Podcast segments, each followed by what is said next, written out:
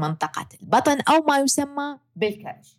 اليوم راح نناقش الأسباب اللي تخلي بعض الناس يصير عندهم دهون تزيد بمنطقة البطن شنو أسبابها؟ وأكيد لما تعرف السبب راح يبطل العجب وراح تعرف الحلول لهاي المشكلة الشائعة جدا. وياكم دكتورة دعاء السامرائي حلقة جديدة من بودكاست صحتك بالدنيا. وهنا راح نحكي عن كل الأمور اللي تهمك. عن الصحة بحياتك اليومية راح أجيب لكم آخر الأبحاث ورأي الأخصائيين حتى تصير صحتك أفضل اليوم.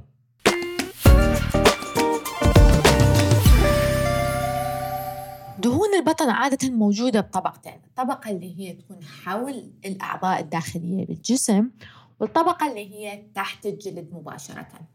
الطبقة اللي حول الأعضاء الداخلية خطرها أكبر على الصحة من اللي تحت الجلد. زين انت ليش دائما تسمع إنه زيادة الدهون بمنطقة البطن خطرة على الصحة؟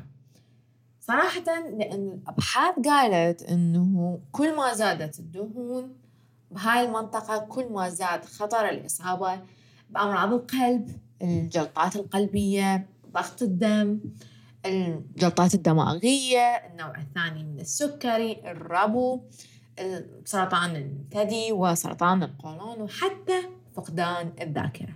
okay صار الموضوع خطير ويخوف ما نريد إحنا هذا الشيء. إحنا نريد نعرف شنو أسباب هاي المشكلة حتى بكل بساطة نقدر نتفاداها.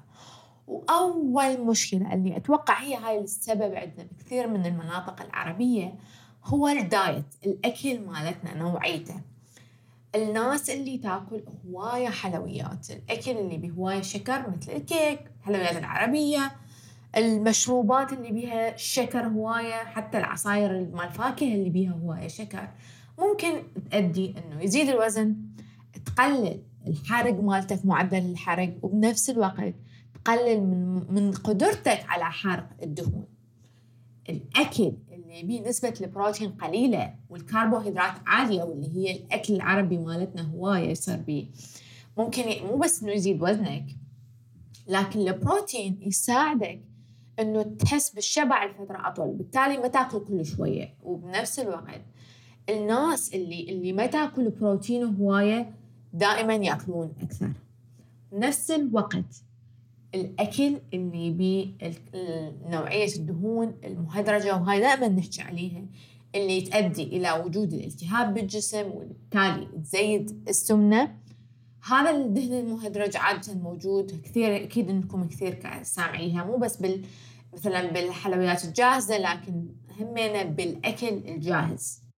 الجمعية الأمريكية للقلب تنصح إنه الناس يستبدلون الدهون المهدرجة بالدهون الصحية مثل الدهون المشبعة الأحادية أو الدهون المشبعة المتعددة. شلون تقدر تسوي هذا الشيء؟ دائما لما تشتري نوع من أنواع الأغذية اقرأ على الليبل عليها شنو نوعية الدهن الموجود بهاي النوعية من الغذاء. وهسه نجي للسبب الثاني واللي هو شرب الكثير من الكحول اللي مو بس مرتبط بمشاكل صحية كبيرة مثل تشمع الكبد والالتهاب بالجسم لكن همين الأبحاث ربطت من عنده بين زيادة الوزن عند الرجال وزيادة الدهون بمنطقة البطن وبين زيادة شرب الكحول. وهسه نجي للسبب الثالث واللي أتوقع هواية ناس دا يعانون من عنده خصوصا مع الجلسة قدام التلفزيون أو استعمال الموبايل طول الوقت اللي هو قلة التمارين والجلوس طول الوقت. هذا اللي نسميه ال style من الحياة ال inactive هذا راح يخليك انه أي ما تستهلك calories ما راح تقدر إنه تحرقها وبالتالي راح يزيد وزنك. فالناس اللي ما تتحرك هواية صعب عليهم إنه يتخلصون. من الكرش. وهسه نجي لسبب يمكن مو هواية معروف لوجود الكرش أو الدهون على البطن اللي هو التوتر؟ مثل ما تعرفون أكو لما إحنا الجسم يكون بحالة ضغط أو توتر شديد يفرز هرمون الكورتيزول. وهذا الهرمون يأثر على الميتابوليزم أو الحرق مالتنا معدل الحرق مالتنا. عادة الناس لما تتوتر شو تسوي؟ تروح تأكل. والكورتيزول شو يسوي؟ يخلي إنه هاي ال excess calories تبقى يحفظها على منطقة البطن لأنه على مود يستعملها بوقت ثاني لأن هو حاس روحه بحالة مثل خطر فعلى مود يحافظ على نفسه. وأكو أسباب ثانية مثل مثل قله النوم لأنه الشخص اللي ينام فترة قصيرة راح يأكل أكثر. لما هو قاعد ممكن هم لما يكون ضايج راح يأكل أكثر. وهاي واحدة من الأبحاث قالت على هذا الشيء. والشغله الثانية عوامل أخرى مثل التدخين يزيد هاي المشكلة. الوراثة أكو بعض الناس الموضوع لهم مرتبط الوراثة آه، ترتبط بالتصرفات مالتهم بطريقة الحرق مالتهم وحتى العوامل المحيطة لهم مثل توفر بعض أنواع الأكل. آه، بس إنه الأمور اللي هي تسبب زيادة الوزن متوفرة بمحيطهم. فكل هاي الأمور تلعب دور بزيادة الدهون على منطقة البطن. زين هسه نريد نحكي شلون نتخلص من هاي المشكلة. وأكيد لما عرفنا كل هاي الأسباب راح نعرف الحلول مثل إنه نحسن الغذاء مالتنا دائما نستبدل الدهون بالفواكه والخضروات الناس اللي تشرب كحول نقلل الكحول نتحرك أكثر. وهاي أهم نقطة. اي ثينك هاي هاي الحل كثير من المشاكل اللي موجودة عندنا إنه نتحرك أكثر على مود نحرق الطاقة اللي عندنا. آه لازم نخلي هذا الهدف مثل الأكل والشرب عندنا يوميا والأهم إنه نطلع تحت الشمس نشوف شمس. أكو دراسة ربطت بين إنه الشخص اللي يتعرض للشمس أكثر ممكن ينقص وزنه ونقلل التوتر. مثل ما نقول دائما هذا الشيء مو بيدنا لكن مهم جدا إنه نسوي هذا الشيء سواء تمارين اليوغا ممكن الصلاة. هاي الأمور شنو الشغلة اللي تخليك إنه يقل التوتر عندك حاول تسويها. ونبتعد إنه نتوتر على الأمور الصغيرة. والأمور الثانية طبعا نوقف التدخين ونحسن ال quality مال النوم مالتنا. نركز على هذا الشيء.